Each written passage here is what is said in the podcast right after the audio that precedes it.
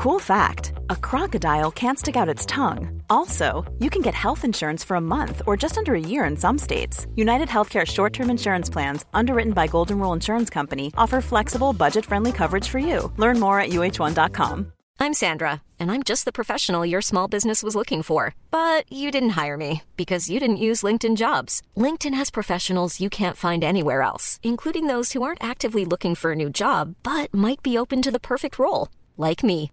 In a given month, over 70% of LinkedIn users don't visit other leading job sites. So if you're not looking on LinkedIn, you'll miss out on great candidates like Sandra. Start hiring professionals like a professional. Post your free job on linkedin.com/people slash people today. Hej! Det är jag! Vä- och väl, nej, det är ju jag. Hej, välkommen till vardagsprepping. Idag är det ett, ett eh, crazy avsnitt för er som lyssnar. Vi har nämligen med oss Kalle och Patrik från I väntan på katastrofen. Välkomna grabbar, eller Men gubbar. tack så hemskt mycket. Ja, ja gubbar är det. Ja, det var Hej. vi som är så gamla. Hej Patrik. Och, och Patrik, min Patrik är med också. Jag är också med här ja. Ja. God morgon.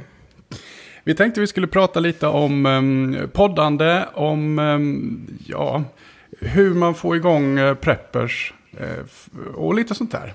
Alltså de Ja, vilande spännande. preppers. Så Patrik, får jag börja ställa första frågan? Absolut Martin. Ja.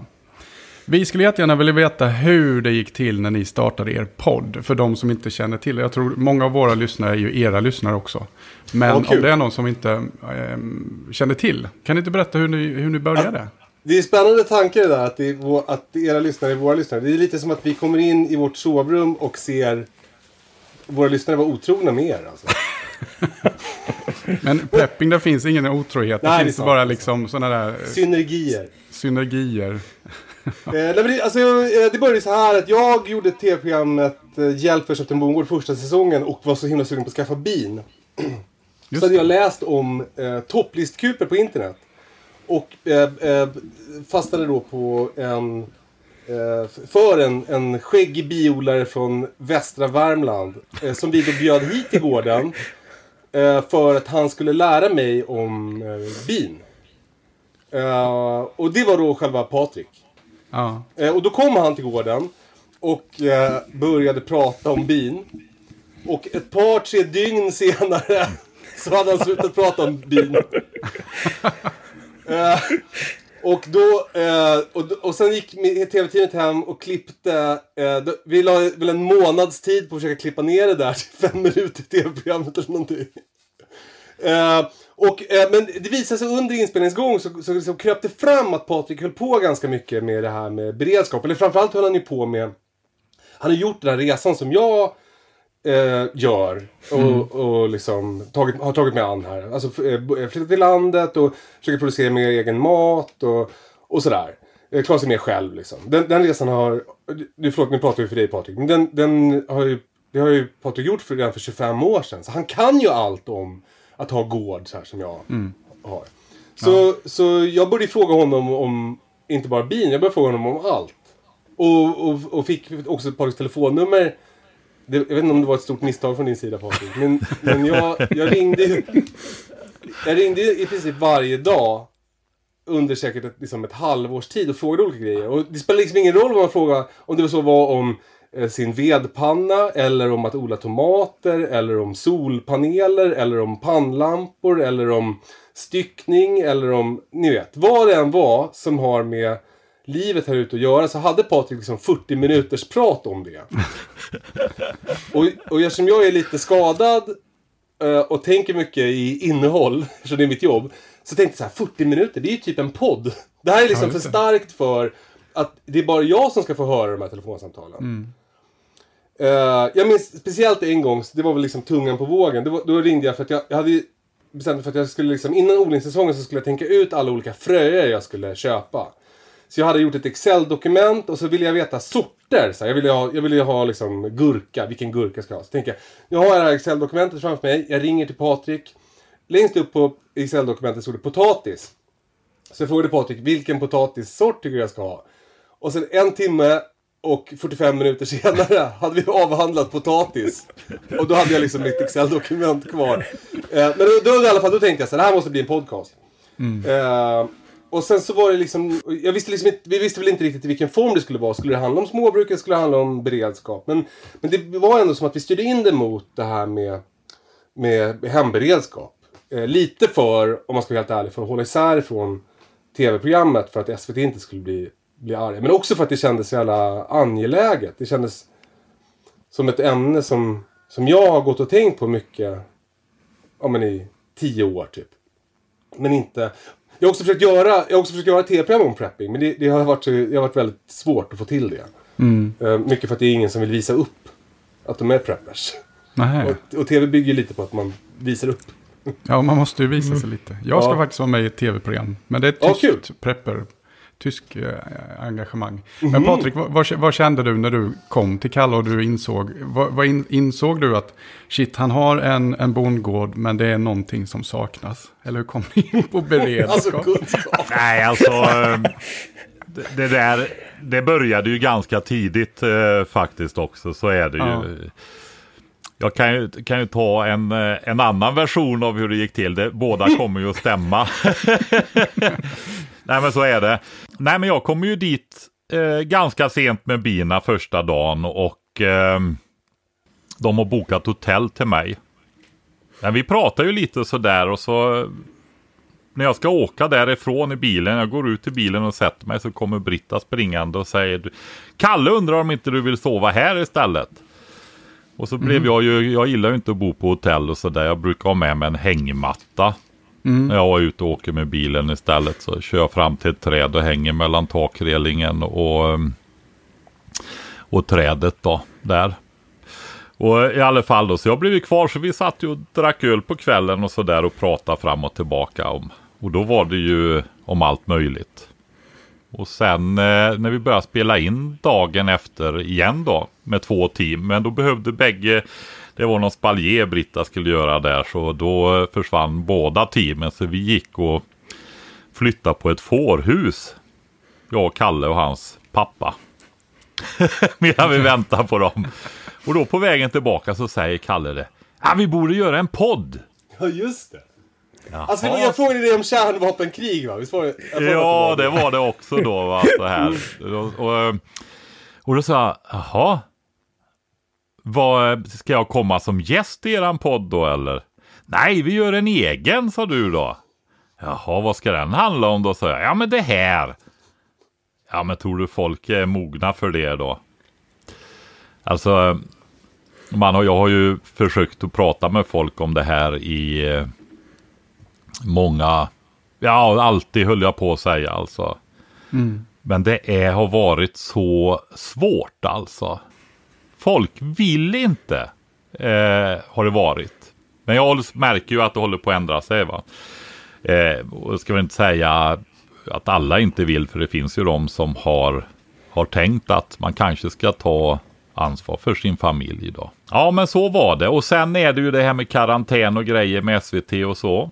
Så eh, ja, det verkade vara ett stort intresse för det här i alla fall att jag och Kalle skulle gjort, göra en, eh, en podd då. Men tack vare karantänerna så drog det ut lite på tiden. Så nu har vi ju känt varandra i tre år och det är väl drygt ett år sedan vi började med podden då. Så är det. Spännande att höra. Men Kalle, du tog det här steget som många preppers drömmer om att flytta, ut- flytta ifrån stan och ut på landet till gård och så vidare. Om du ska ge ett, ett viktigt råd eller ett tips till de som ska ta det steget, vad skulle det vara för då? Eh, mitt råd är... Nej men mitt råd är väl bara gör det. Alltså det kommer ju aldrig hända om du inte gör det. det, det, det jag har ju hållit på och pratat mycket om träning i alla år. Och, och det, som det största misstaget folk gör är att de håller på och funderar så jävla mycket innan de börjar komma igång med träningen. De skaffar olika kläder och träningsprogram och går en kurs. Men, men det, börja träna börjar alltid med att man börjar träna. Och lite så är det med, med det här också. Det är bara att testa. Det, det, det tycker jag. Och sen är det väl att skaffa höns tidigt och plantera äppelträd igår. Men, men, eh, men gör det bara. Alltså livet är för kort för att, för att liksom eh, eh, bara bo för att det är nära till jobbet. Och du, du kan göra, ja just det, du, har ditt, har ditt arbetsliv förändrats? alltså jag sett, det, det där är det fuska för mig. Eftersom jag eh, har som jobb att, visa upp vad jag gör hela tiden. Eh, Så då kan jag göra vad jag vill lite. Eller då kan jag, alltså, det, det är ju fuskigt. Jag, be, jag behöver ju inte åka till ett kontor varje dag. Nej. Så, så det får, man väl säga är, där har jag ju förspänt. Och jag, det hade ju varit svinjobbigt om, om varje morgon började klockan fem att jag skulle åka till pendeltåget och åka in till stan liksom. Eh, Då hade det här varit svårt. Då hade jag Ja, inte precis. pallat liksom. Men, men, eh, men, men ja, alltså det har ju förändrats så tillvida att jag... Det hänger ihop lite med pandemin också, för den kom ju som samtidigt. Så det här med att vi sitter och tittar på varandra på en skärm, så har ju möten blivit. Och det var det ju inte innan jag flyttade ut hit. Så hade jag, hade liksom, det är ju också tacksamt för mig. Eh, Men men jag försöker ha typ en dag i stan i veckan så här, när jag har möten och går i terapi och, och gör alla de där grejerna som man måste göra. Men annars så, så, så, så, så på så sätt ser det ju väldigt annorlunda ut. Vi, vi filmade också mycket mer att vi reste runt i Sverige förut, i andra tv-program. Och det, det gör vi ju inte alls. Nu är jag är nästan bara hemma. Och, ta- och liksom skrotar runt. Om vi, om vi pratar över poddar, vi, vi sa ju lite i början, skojade med att vara otrogen och hit och, hit och dit. Men, men vi har ju ungefär samma mission med våra poddar. Vi vill ju stärka Sveriges beredskap hos gemene man. Tycker ni, ko- konkurrerar vi eller, eller, eller tycker ni att vi kompletterar varandra? Alltså, kan, hur många poddar kan det finnas? Är det bra? Jag tycker att det kan finnas eh, väldigt många. Det, folk lyssnar ju på det som de vill lyssna på. Va? Utan det, jag tycker det var väldigt roligt. För det kändes som att för något år sedan så var det just att eh, många klev fram i, vad ska vi säga, det gamla, eh, det, det, jag ska säga, prepperrörelsen då. Va? Ehm, och började prata mer öppet och inte vara så hemlighetsfulla och så vidare. Va? Alltså att Får vi, får men er just- då? Ja, men det- bara, jag ska bara säga det, liksom att man började inse att det, det handlar inte om att sitta i ett litet rum i hörnet i källaren med sina konservburkar, utan vi måste bygga en beredskap som är bredare, va? för vi är ändå beroende av varandra och eh, det går ju inte att sitta där och en på hundra har liksom några konservburkar. Va? Det funkar inte. Nej. Eh, eh, Får jag fråga bara, eh, liksom, ni pratar om prepperrörelsen. Hur såg den ut? Alltså, prat, prat, känner ni varandra sedan tidigare till exempel? Nej, jag Nej. har aldrig varit någon del av den. Jag är mer småbrukare och Vad, vad, lever liksom prepperrörelsen? Den, I Sverige har den ju varit eh, historiskt, tror jag, mycket på ett forum eh, som sen, eh, ja, som, som föll ihop på något vis. Eh, jag kommer inte ihåg vad det heter, Swedish Prepper eller Svenska Prepper eller någonting. Och sen Okej. så har de ju migrerat till Twitter, för där fanns det ju väldigt mycket eh, preppers. När jag började för ja, fyra år sedan kanske. Men då var det ju, då var det fortfarande lite, mm, nu trampar jag väl alla mina preppervänner på tårna, men, men det var väldigt mycket så här opsec fortfarande. ja, jo.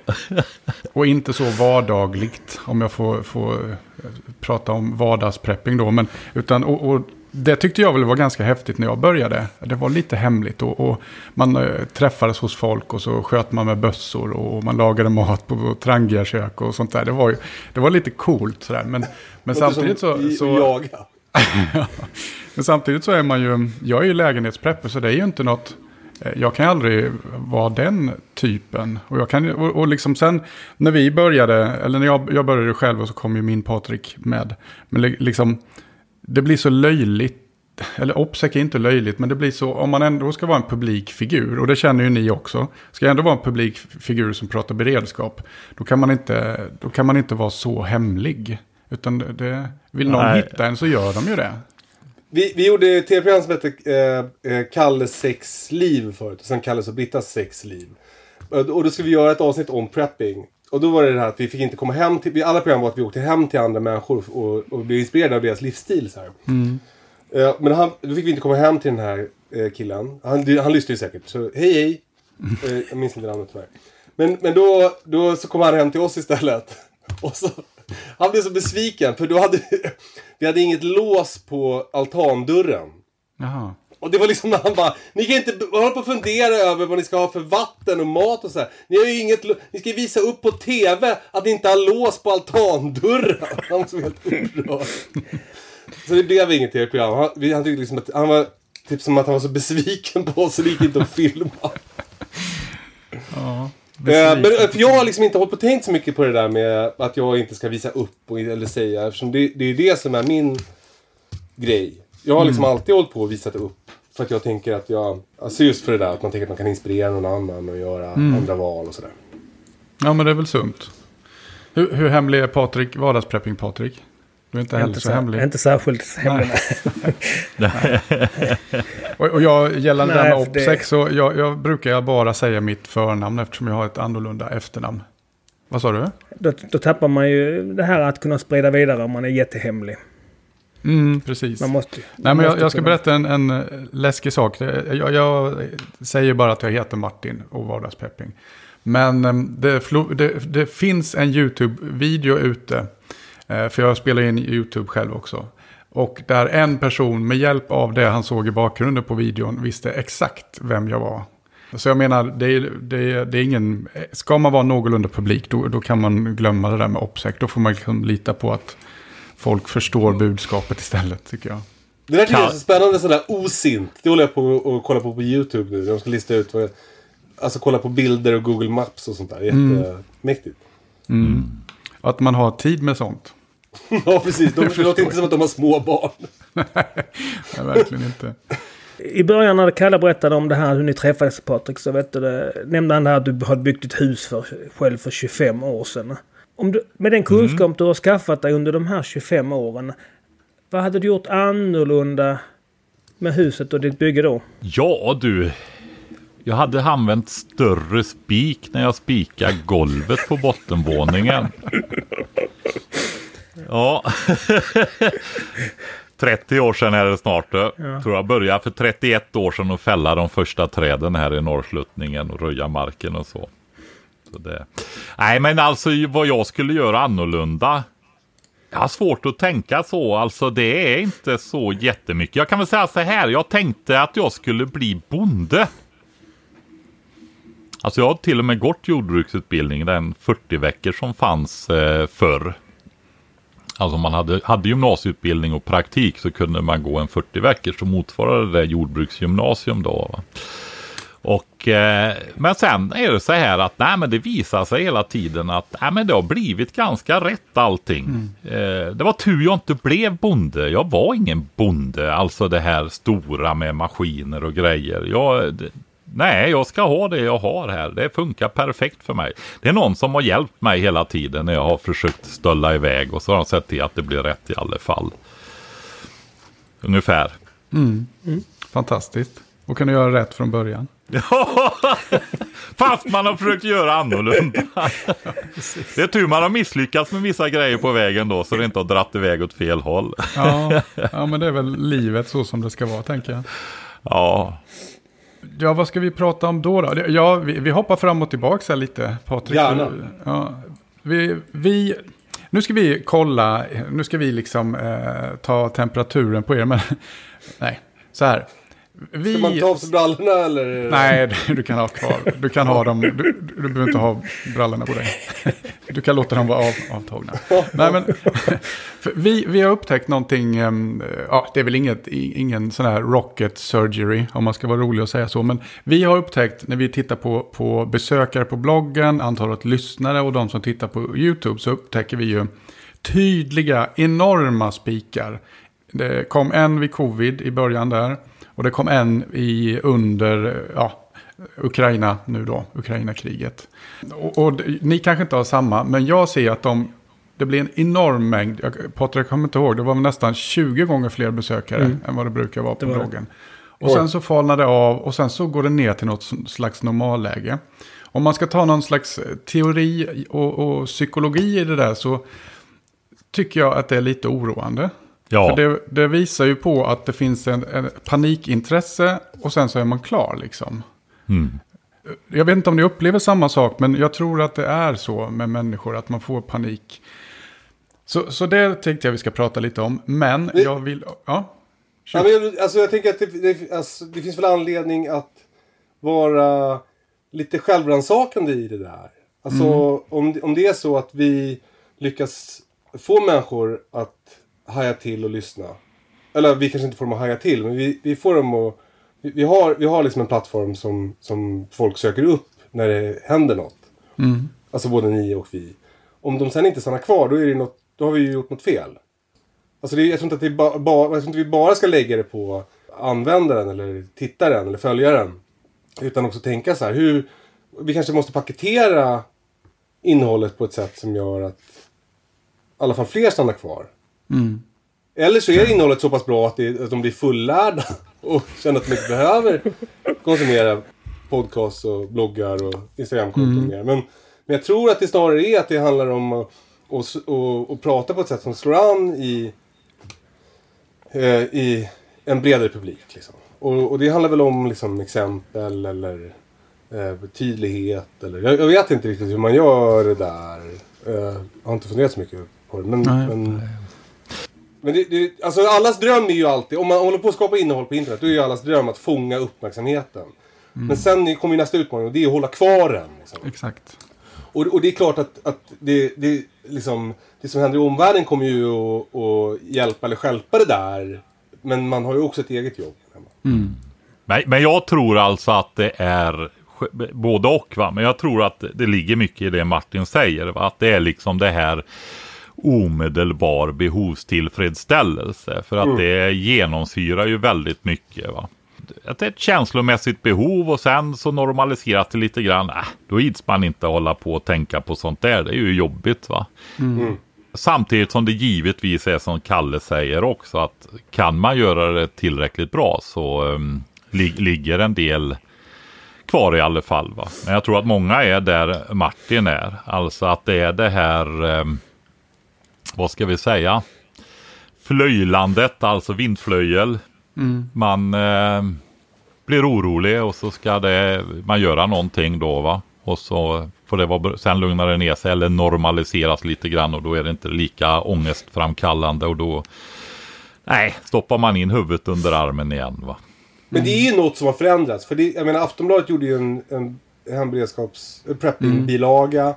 Eh, SR startade en prepping-podd, såg jag med Erik Blix tror jag. Just det. Eh, det, det verkar som att det... det jag, jag tror inte... Jag tror inte att vi kommer gå tillbaka till eh, 100% strutsläge. Nej, absolut inte. Utan det känns som att den här frågan har lyfts. Och, och där är vi väl alla delaktiga också. Ja, för jag funderar på, vad var det jag funderade på? Ja, det vet Nej men jo, jo så här. Jag, jag ser ju, för det är också en sak, eran prepbox är ju, är ju en bra grej. Och jag tror, var- jag tror det var du Patrik som sa det i ett avsnitt att nu ska man inte bara köpa den här och lägga undan och så säga yes, nu är jag en prepper. Eh, eller om man köper en sån här, eh, vad heter det, vad kallar man det, krislåda eller man skapar den själv. Att man inte stoppar undan den utan eh, jag, jag tycker ju, när det kommer till de sakerna så tycker jag ju att då ska man börja använda dem direkt också. Maten, eran prepbox till exempel, den är kanske... Men det är väl bra att smaka på grejerna i den och börja. Och så köper man en ny och så tjänar ni lite pengar så blir ni glada. Men jag tänker den här krislådan är ju... Den är ju bra men den är ju samtidigt farlig. Om den då skänker oss den här... Ja, nu behöver inte jag göra mer. Och sen så när elen försvinner, om den nu gör det, så sitter man där med sitt Trangia-kök som man aldrig har provat innan. Det där tycker jag är lite farligt kanske. Och så, och så saknades brännaren dessutom. Den kom aldrig med. Man skulle reklamerat. Ja, exakt. Ja men sådär är det ju. Men, men det, alltså, jag tror vår strategi för det där är ju, alltså i vår podcast, du får rätta mig om jag har fel Patrik, men vi, vi försöker ju liksom bredda ämnet hemberedskap till någon slags så här, jag tror att jag har kallat det kan själv-kunskap. Alltså att vi pratar mer om, vi pratar ju mycket om odling och ha smådjur och alltså småbrukandet eller alltså odla någonting på balkongen och sådär. Precis, att lära sig grejer som, som gör att man blir lite mer självständig. Kapabel. Just det, kapabel brukar vi säga. Ja. Eh, och och, och det, det känns som... Alltså det tycker ju i alla fall jag är viktigare än en eh, ficklampa i garderoben. Absolut. Definitivt. Ja, det, jag, jag får bara ta en, en liten anekdot där när den här tyskarna var, inne, var hemma hos mig och spelade in. Så visade jag dem min mattork. Som jag, och så fick de smaka på torkat ägg och de fick smaka på torkade citroner. Och då kommer direkt frågan, för, de, de kom, för då sa jag, ja men det här är ganska fantastiskt. För helt plötsligt nu sa jag ägg som håller i ett år, alltså färdigt ägg, färdigstekt ägg. Och jag har också eh, citron som jag kan lätt äta om ett år. Och då säger, säger de direkt så här, men eh, vadå? Eh, vad är det för kris som ska hålla på så länge? Så du förbereder alltså för eh, total apokalyps. Och, då sa jag det till dem. Nej men det här är för att jag ska lära mig att, att behålla maten och torka den. Alltså det här med att man lär sig gammal kunskap. Torka Ja. äpplen på ett snöre eller vad det nu kan vara. Det är inte så många vanliga människor idag tror jag som tänker. Då måste man vara intresserad på det sättet. Ja. Som vi är. Ja, precis. För det vi håller på med är ju, det är ju egentligen... Alltså, jag och Patrik gör ju mer en husmoder-podcast än en prepping-podcast. I väntan på husmodern. precis, vi väntar på morsan. Nej, men man, vi kan väl säga så här. Vi har, vi har ju två grejer som är våran mission. Och det ena det är ju just det här att eh, alltså det är hushållens beredskap som är basen i hela samhällets förmåga att stå emot eh, kris och krig. Va? Och kan man få hushållen, alltså alla friska vanliga människor att ta ansvar för sitt eget hushåll så att man kan klara en, helst två veckor. Då har man ju täckt in ja, 95 procent av allting. Det är ju det här allra, allra värsta som, eh, som inte händer. Att ofta är ju kriserna som vi pratar om lokala, regionala och så vidare. Va? Kan vara nationella också. Men då har fortfarande det här att omgivningen kan komma och hjälpa dig. Va? Och det kan de ofta göra på kanske två veckor i alla fall. Va? Och eh, det är jätteviktigt att få upp den en till två veckors beredskapen. Alltså vatten, mat, var, kunna vara kvar, alltså upprätthålla kroppstemperaturen då, värmen i bostaden. Eh, klara enklare grejer, samla in information så man vet vad som har hänt, vilket underlättar väldigt mycket mentalt men också få beslutsunderlag och sådär. Men den andra biten då, förutom det här basberedskapen, jag vill också säga det. Jag uttrycker ju mycket frustration över det här. Jag som har varit intresserad sedan 80-talet utav det här. Va? En gammal kalla kriget-officer och väl insatt i totalförsvaret och ser vad de gör sen. Va? Det var som att alla blev dumma i huvudet. Och eh, nej men alltså jag vet ju vad vi bor i för del av världen. Alla bara skiter i allting. Det är ju, jag har ju kommit undan med blotta förskräckelsen. Va? Det är ju helt fruktansvärt egentligen.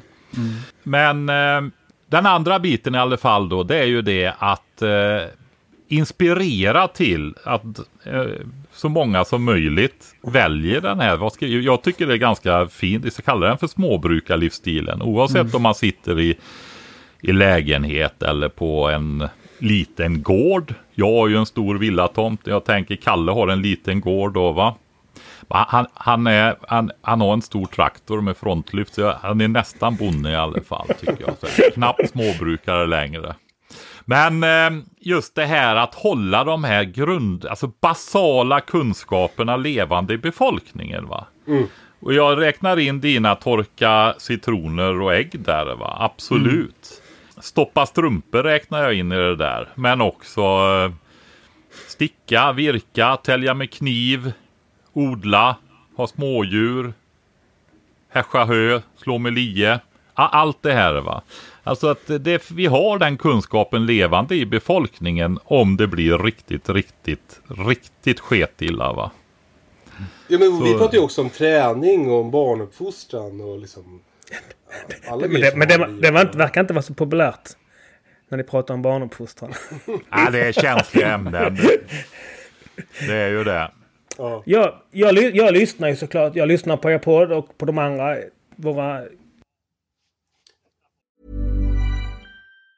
Hey, it's Ryan Reynolds, and I'm here with Keith, co star of my upcoming film, If, only in theaters, May 17th. Do you want to tell people the big news? All right, I'll do it. Sign up now and you'll get unlimited for $15 a month in six months of Paramount Plus Essential Plan on us. Mintmobile.com slash switch. Upfront payment of $45 equivalent to $15 per month. Unlimited over 40 gigabytes per month. Face lower speeds. Videos at 480p. Active Mint customers by 531.24 get six months of Paramount Plus Essential Plan. Auto renews after six months. Offer ends May 31st, 2024. Separate Paramount Plus registration required. Terms and conditions apply if rated PG. Hold up. What was that? Boring. No flavor. That was as bad as those leftovers you ate all week. Kiki Palmer here, and it's time to say hello to something fresh and guilt-free. Hello Fresh. Jazz up dinner with pecan-crusted chicken or garlic butter shrimp scampi. Now that's music to my mouth. Hello Fresh. Let's get this dinner party started. Discover all the delicious possibilities at hellofresh.com. I'm Sandra, and I'm just the professional your small business was looking for. But you didn't hire me because you didn't use LinkedIn jobs. LinkedIn has professionals you can't find anywhere else, including those who aren't actively looking for a new job but might be open to the perfect role, like me. In a given month, over 70% of LinkedIn users don't visit other leading job sites. So if you're not looking on LinkedIn, you'll miss out on great candidates like Sandra. Start hiring professionals like a professional. Post your free job on linkedin.com/people today.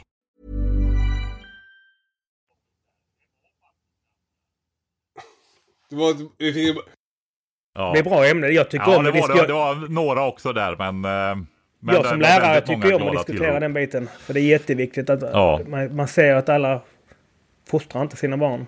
Men det här med, jag lyssnar ju på er podd, jag har tagit till mig det här när jag har sagt att nu är rätt tillfälle, det gjorde jag redan i höstas, att nu är rätt tillfälle att skala upp sin odling hemma. Så just nu håller jag på att bygga ett, ett växthus. Jag har brutit upp gräsmattan för att ha större potatisland och utökat mina odlingsbäddar.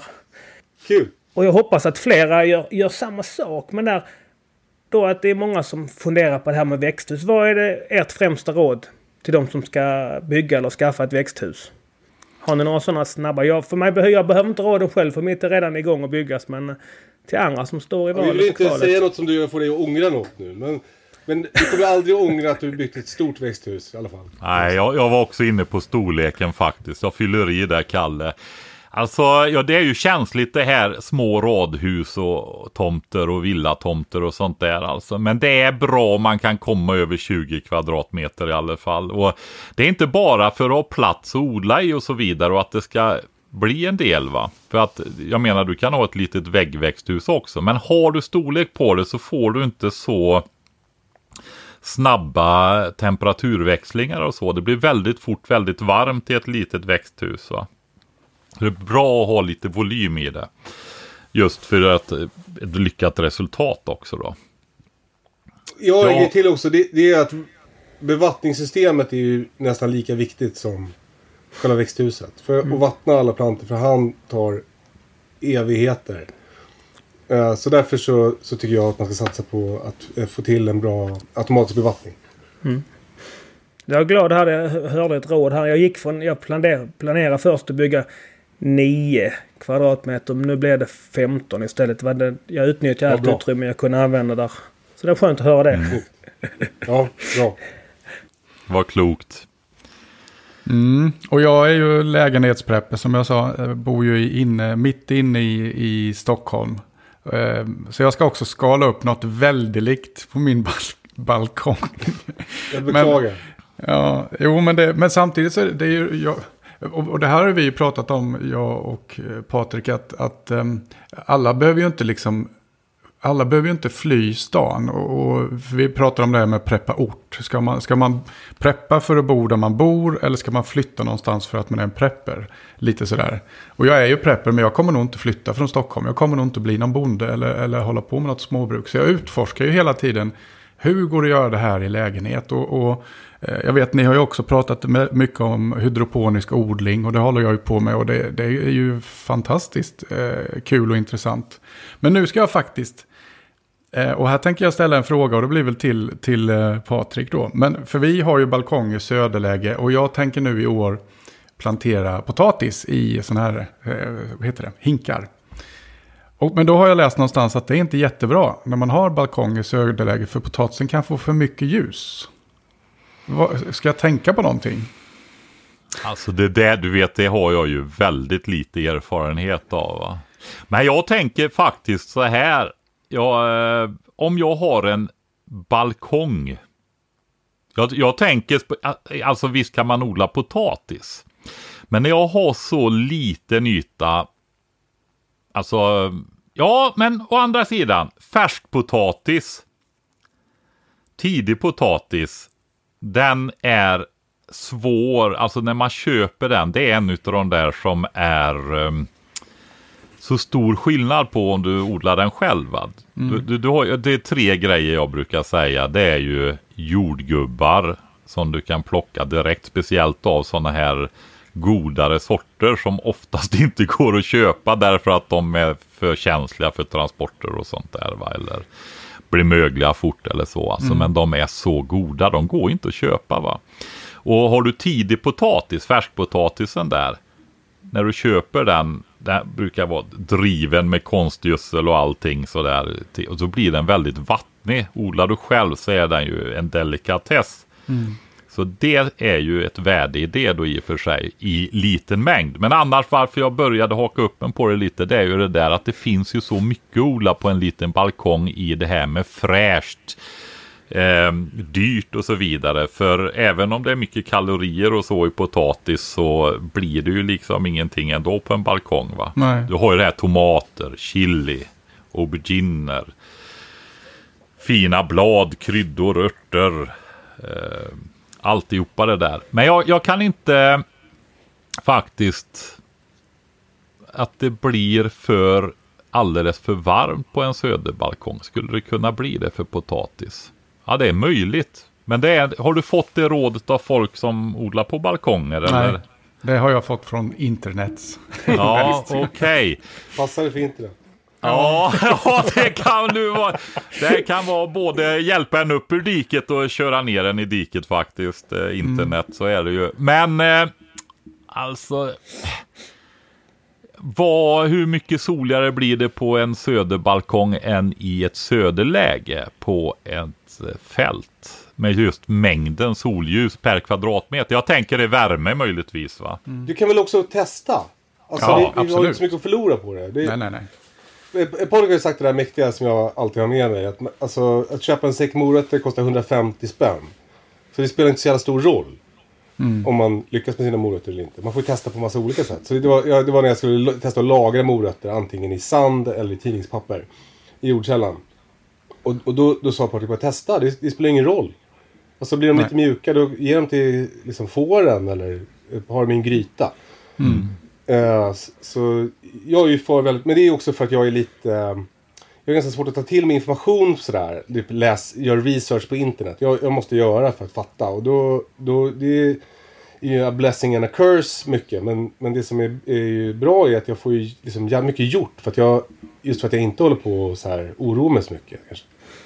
Nej, Ja, men det- alltså, er, erfarenhet är att avverka en jäkla massa misstag och inte upprepa dem för många gånger. Va? Ja men jag tror att jag har sagt det i tv-programmet någonstans. Att driv trumfar kunskap. Liksom. Att det, att det, du, du, kommer att, du kommer lyckas bättre genom att hålla på och göra jättemycket olika sätt. På massa olika sätt. Än att, Jo. och fundera. Nej men det är väl därför jag gör det. Jag gör ju inte det för att vi ska ha potatis hela, Nej. hela Nej. året. Utan Ja, för att, att lära mig hur potatisar funkar. För det har inte jag... Jag har inte varit i närheten av det sedan jag bodde hos min mor och far. När jag var liksom, ja hur länge sedan är det? 30 år sedan. Nej, jag sitter här, när, du säger detta nu, då sitter jag här och får nästan rysningar. Jag bara älskar, alltså just att man är nyfiken. Och, och vill lära sig någonting. Det är så jädra roligt. Tycker inte du det också Patrik? Martins Absolut. Patrik då, så det inte är mig jag Definitivt. pratar om. Ja, det är klart. Du är lärare, du med. Jag är lärare. Ja, så det är klart man tycker om att... Jag tycker om att lära mig själv hela tiden. Och vidareutveckla mig själv alltid. Både genom mitt yrke och kring mina intressen kring säkerhetspolitik och försvaret. Och dels nu här med mitt nyupptäckta odlingsintresse. Så det är klart man vill lära Kul. mer Ja, och men- testa. Ja, men, och jag, vi brukar ju skoja om det där med min... eh, För, för jag, var ju, jag var ju helt dum i huvudet ett tag när jag bodde här i Stockholm. Det måste jag in. Men när min fru... Har du också liksom- varit det? Ja. Nej, men när min fru fick för sig att ja, men vi ska... Vi, vi, vi testar att stoppa in en kärna från en citron i, i jorden och så ser vi vad som händer. Och så kom det upp ett citronträd. Tog jättelång Oj. tid. Ändå Men, men liksom det funkar ju och det är ju så glädjande att se hur lätt det är att skapa liv och få liv runt omkring sig. Ja. och, och samtidigt lära sig. Så att det är, ja. Så är det med det.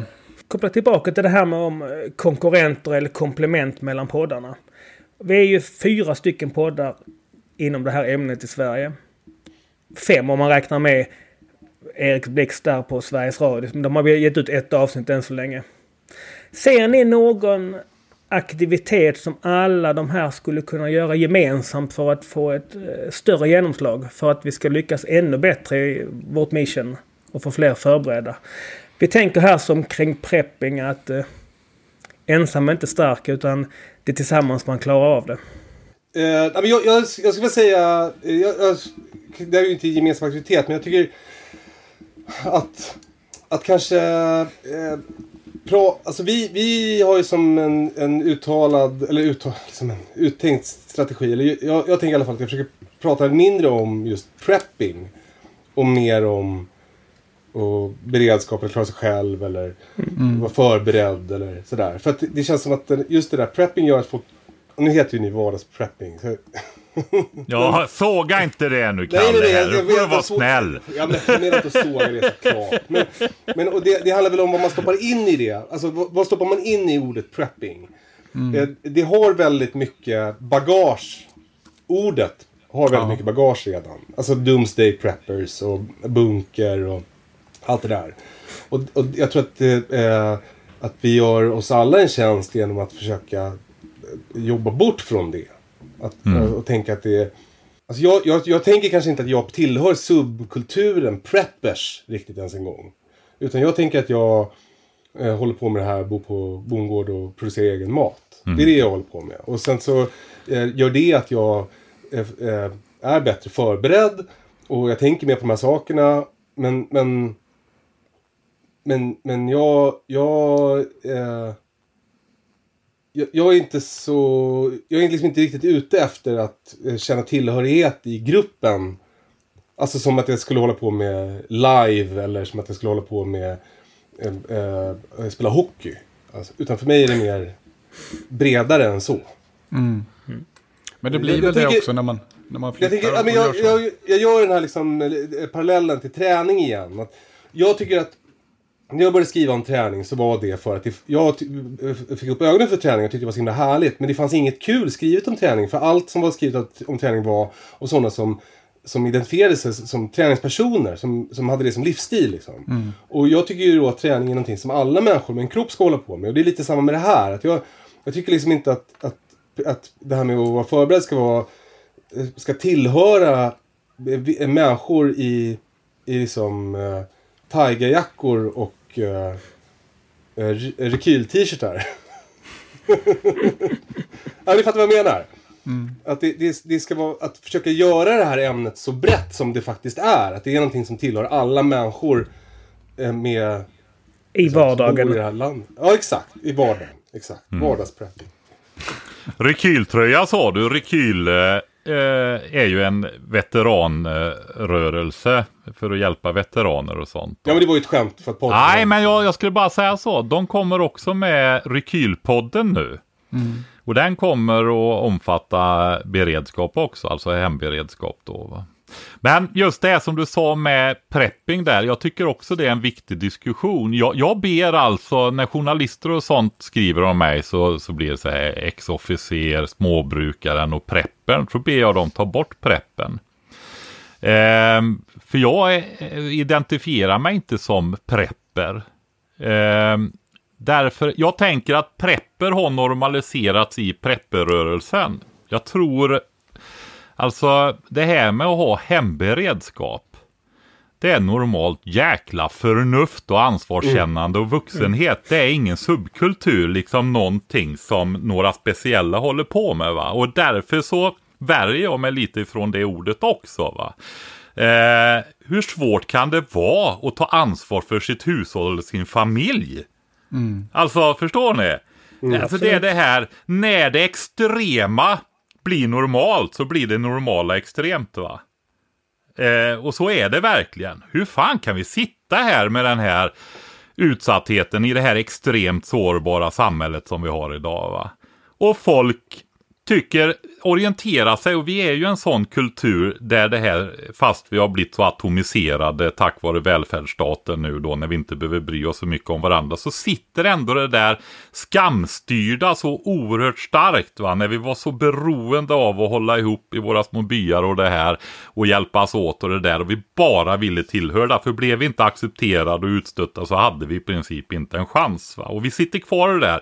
Så när det tokiga blir normalt så håller vi fast vid det till varje pris i alla fall va Ehm, och där är vi verkligen när det gäller det här va eh, va, och vad förtjänar dina barn för beredskap det är du som är ansvarig för det va Det, det är liksom bara och ja, det är ingen subkultur. Det är normalt anständigt beteende.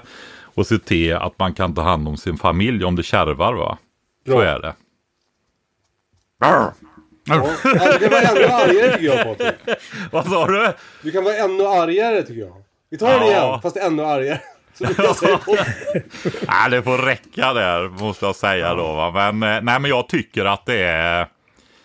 Det, det, det är faktiskt sådana här saker som handlar om värdighet också. Va? Man, gör, man är inte så jädra nonchalant helt enkelt. Inte mot sina närmaste heller. Va?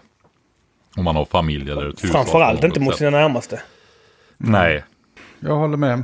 Och, eh, men det är ju, det är ju frågan, är, och, och det, sen är ju problemet också det här med preaching to the choir. Alla våra lyssnare är ju redan sådana. Så det hjälper inte att vi sitter här och skriker, för de vet ju redan det. Nej, men å andra sidan kanske de får ett och annat argument. Ja, Så är det väl. precis. Mm. Så kan det vara.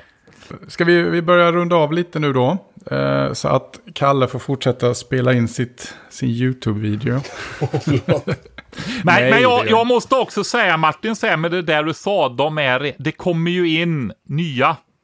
alltså, Mm, precis. vi, eh, det är det. Och det är många sådana här grejer när man har sagt saker. En grej som jag har fått mycket respons, framförallt från eh, män, yngre män, tror jag kan generalisera med, även om det säkert finns andra där också, det är det här. Att, ja men, vem vill du vara? Du kan välja vem du vill vara va.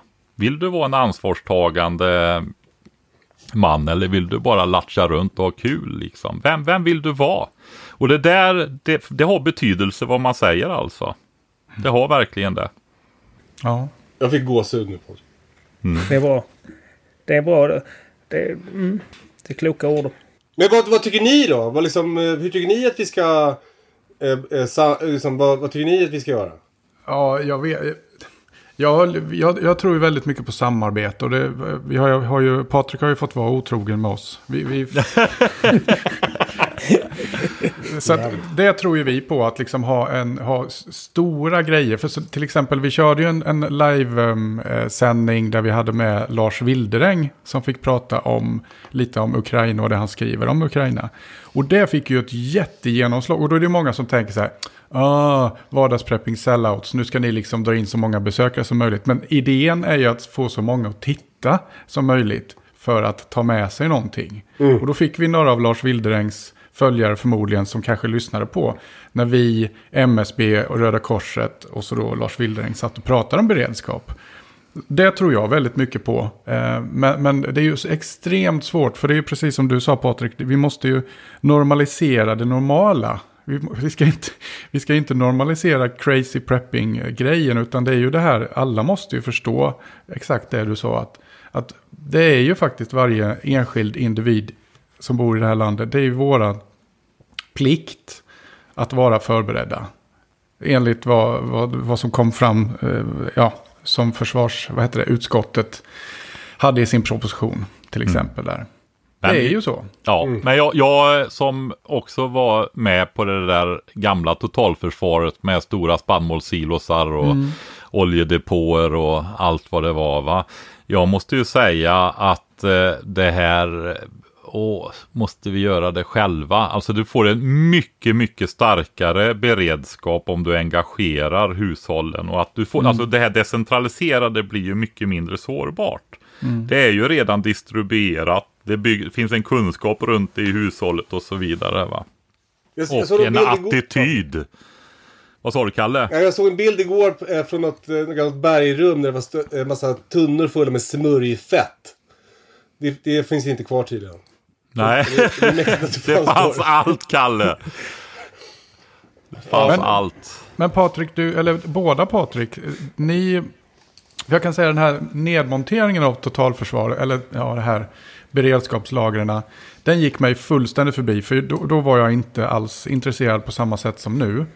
Men ni som kanske var lite intresserade, hur fick man veta någonting? För en tanke kan jag ju tänka från statens sida, det är ju att nu monterar vi ner det här och istället kommer vi lägga ansvaret på er i, i hushållen. Men det kan jag inte tänka mig att någon sa. Nej. Men, men hur, hur, eller skedde det här i tystnad och liksom lite i det fördolda. Det var ju enorma utförsäljningar av massa material. Det fanns ju enorma auktioner de sålde ut. Man kunde köpa 500 traktorer eller 300 bandvagnar eller 30 000 Jag har ju en verktyg sorts. 11 hemma. Den är fin. Ja, det är, det är från en sån. Alltså, Ja. ja. Det var väl ett sätt att göra av med det här överskottsmaterialet. Man det fanns, man kunde tusen Mm. generatorer eller vad som helst man kunde om man höll utsikt på sådana auktionsforum. Jo, jo, men, Men jag, det- jag, det- men jag tänker så här att, att för den vanliga människan. Vi visste ju inte om utförsäljningarna. Jag visste ju inte om det. Min familj visste inte om det. Så, så jag menar, eh, ja. Det hade ju varit en bra idé, kanske tycker jag, att man säger då att vi gör så av, med det här för det kostar för mycket pengar. Och nu lägger vi över ansvaret på er, kära medborgare. Det var så att det var nog ingen som tog ansvar för någonting. Man la ju ner myndigheter och allting va. Och eh, började ägna sig åt andra saker. Utan eh, vi, vi har, ja, Anna ifrån eh, Myndigheten för samhällsskydd och beredskap var ju med i våran podd. Väldigt eh, trevlig. Men hon sa någonting just, för Kalle, kan du inte ta lite av din frustration nu Patrik, sa Kalle där då när vi hade Anna med och jag tog detta med hur de har gjort myndigheterna och alltihopa det där va. Men så, ja, men vi gick ju med i EU där och man tänkte att EU skulle ordna det här va. Ja men liksom bara attityd, alltså du vet det är ju institutionsskadat samhället va. Någon annan löser det och nått högsta ledningen. Förstår ni? Alltså det är, jag, jag såg en DN-rubrik. eller någonting, jag läste aldrig artikeln men jag såg den, jag förstår vad den handlar om ändå. eh, men det stod så här. Finland, det är som Sverige fast för vuxna. Den är bra den. Mm. Jag, jag har ju uttalat mig i Expressen TV en gång om infantila barnungar. Och det är, det är faktiskt så, va? Eh, tycker jag. Och Finland tog ursprung från hur Sverige hade det från början. De tog efter tankarna kring Sverige hade kring totalförsvaret och sen, men de la aldrig ner det. De fortsatte. Nej. Smart. Yes, ska vi, ska vi knyta ihop säcken nu då med en, en plåga? Jag vet inte, eh, vardagsprepping Patrik, har vi, ställde vi inte den här frågan till Patrik innan? Den här självskattningen. Ja men nu är den annorlunda här idag. Den är annorlunda Ja. här idag. Då är du Martin. Alla våra gäster i vardagsprepping de får genomgå skärselden. Som beror på, i en självskattningsskala i ens beredskap. Och här, den skalan går mellan 1 och 10. Eh, Ingen här är en etta, men om ni vill veta vad en etta är så är det um, Södermalmkisen som det enda som finns i kylskåpet är eh, ett sexpack öl. Ingenting annat. Och sen är det Foodora som kommer och lämnar all mat. En fyra, det är den vecka som staten anser att vi ska klara oss. Alltså en vecka. En vecka, vecka, vecka. Och en tia är något, då har man inget behov av några som helst tjänster från samhället. Alltså Så- Patrik är en tia kan man tänka, så han är så måttstock. Nej, det är man inte. han är- man han är för behöver eh, andra, andra alltid. Va? Och eh, ja, det, det är ju så att blir du sjuk och så så behöver du ju tjänster. Så är det ju. Ja, man kan aldrig vara en tia. Det Nej. är det som är meningen med skalan. Ja. Men är det liksom totalt på sin beredskap? Det är, inte som ett... Ni, ni, ni ska få det lite svårare än alla andra har fått det. För ni, just för att ni är ni. Ja, ja.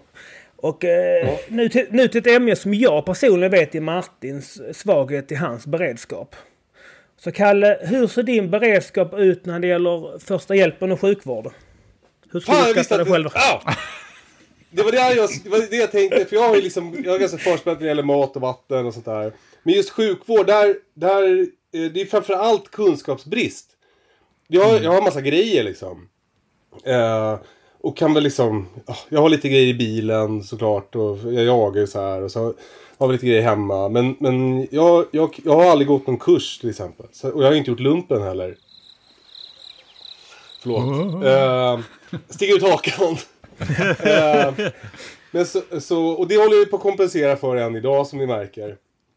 Ja, men så jag, jag har inte så mycket kunskaper när det gäller eh, sjukvård. Eh, men man, man kan väl kolla på YouTube.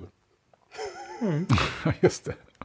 Eh, nej, men jag, jag skulle säga att min beredskap när det gäller sjukvård är fyr, fem, fyra, fyra, fem.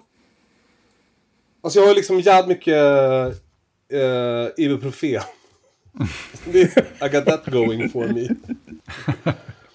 Uh, men, uh, men ja, alltså Patrik pratade till exempel igår om kompression, dekompressionsspruta. Nål.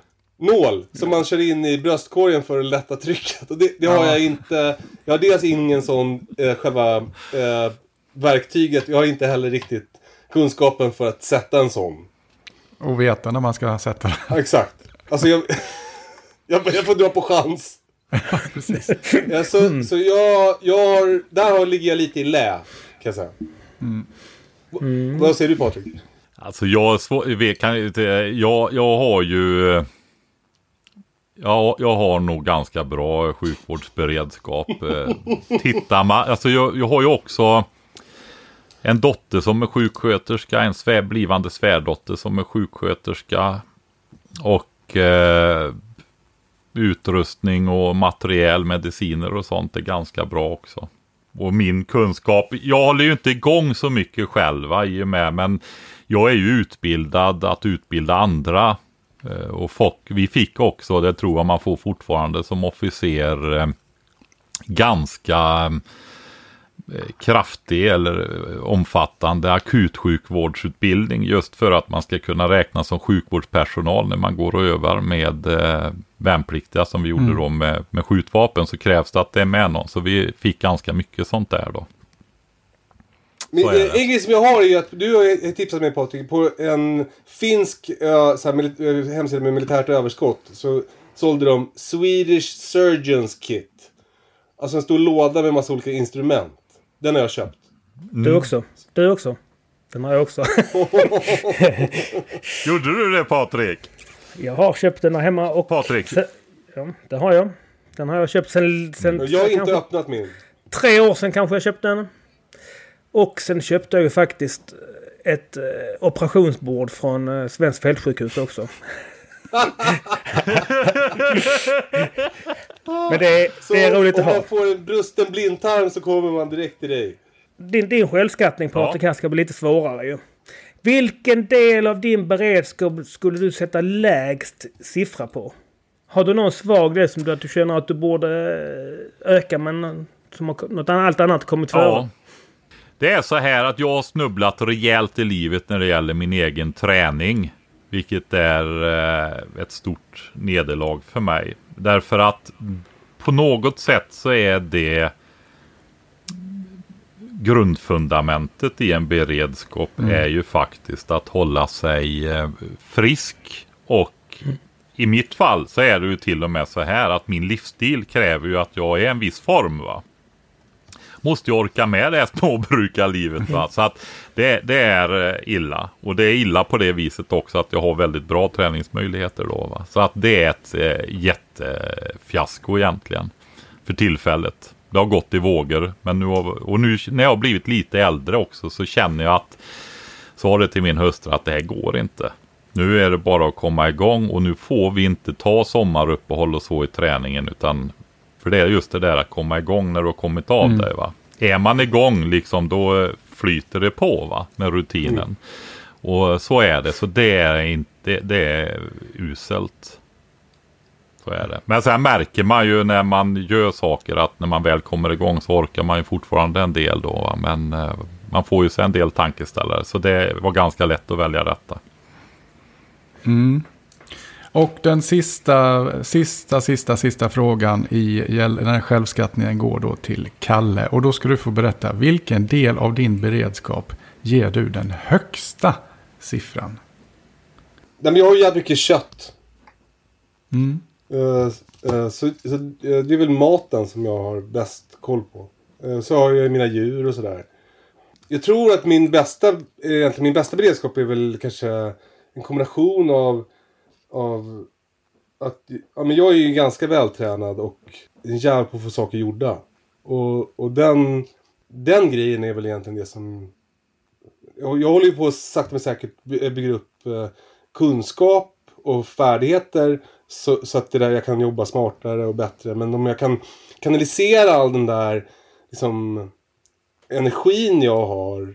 Både ja, men fart framåt och eh, i biceps. Då, då är nog det min bästa beredskap. Tror jag. Mm. Alltså jag tänker att det där att jag... Att jag om, om det liksom skiter sig då kan jag ta mina barn och eventuellt också min fru och bara bära bort bara dem härifrån. uh, och, och, och, och det, det är som den bilden. Den tänker jag kan vara, kan vara min bästa, min bästa beredskap. Så kött, både kött i frysen och kött på armarna. Och nu är kanske mina armar är mitt bästa. Men, men, men det där att jag liksom... Jag, ja, men, du brukar säga typ, att jag är liksom bra på att jobba. Jag, är- jag, jag är bra på att jobba. Jag, jag, jag är bra på att bli klar med grejer. Det, det, det är, en, det är min bästa beredskap. För, det- för det Men kan man använda du, liksom i vilken det- situation som helst. Man har ju ett, eh, ett uttryck, jag tror man har det fortfarande i militären då, i försvarsmakten, att man har tjockt pannben. Och det betyder ju liksom att man kan bita i va. Och Kalle har ett jävla tjockt pannben faktiskt. Så är Ja, det ja. Mediakille från söder, men han har tjockt eh, pannband. Eller pa- pannben. Alltså jag var tvungen att flytta för att mitt pannband fick inte plats i Skanstull. Jag välte folk. Ja, precis. ja. Men, eh, ja, men det var väl det vi, vi hade i, i tankarna idag. Ja, kul. Så att vi får, är det någonting som ni vill säga som vi har glömt att fråga? Eller vi har glömt att säga? Eller prata om? Jag får tacka för inbjudan. Jag tyckte det var jättetrevligt att vi fick till det här. Ja, verkligen. Jättetrevligt. Tycker vi med. Det, det känns uh, super eh, bra. Och jag, jag hoppas att, att liksom både ni och vi kan, kan eh, fortsätta att inspirera och, och, och behålla det här intresset som finns för, för vår hjärtefråga. Mm. Det gör vi med. Mm. Verkligen. Men eh, stort tack att ni eh, tog er tid idag. Och ehm, vi tyckte också det var asroligt. Kul! Eller hur. Patrik? Absolut. Så, så nu får ni in ut i påskledigheten. Så ska man inte säga när man har planerat att lägga det här avsnittet om fem veckor. Det var ju Nej, vi tar om det. Eller så gör vi inte. Nej, det behöver du inte göra. Låt det vara. Det är ju så det är va. Det är bara bra, eller jag på att säga. Blir lite personligt. Ja, precis. Yes, men eh, tusen tack igen. Och Ja. till er som lyssnar. Eh, sköt om er, preppa lugnt och glöm inte vattnet. Hej då! Glad eh, nationaldag! Hej då! Hej då!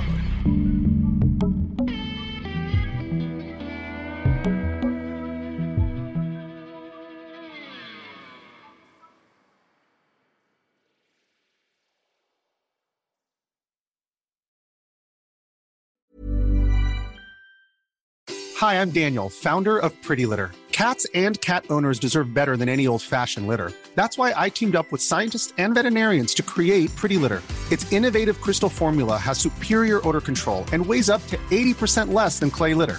Pretty Litter even monitors health by changing colors to help detect early signs of potential illness. It's the world's smartest kitty litter. Go to prettylitter.com and use code ACAST for 20% off your first order and a free cat toy. Terms and conditions apply. See site for details. Ever catch yourself eating the same flavorless dinner three days in a row? Dreaming of something better? Well, HelloFresh is your guilt-free dream come true, baby. It's me, Kiki Palmer. Let's wake up those taste buds with hot, juicy pecan-crusted chicken or garlic butter shrimp scampi. Mm. Hello Fresh. Stop dreaming of all the delicious possibilities and dig in at HelloFresh.com. Let's get this dinner party started.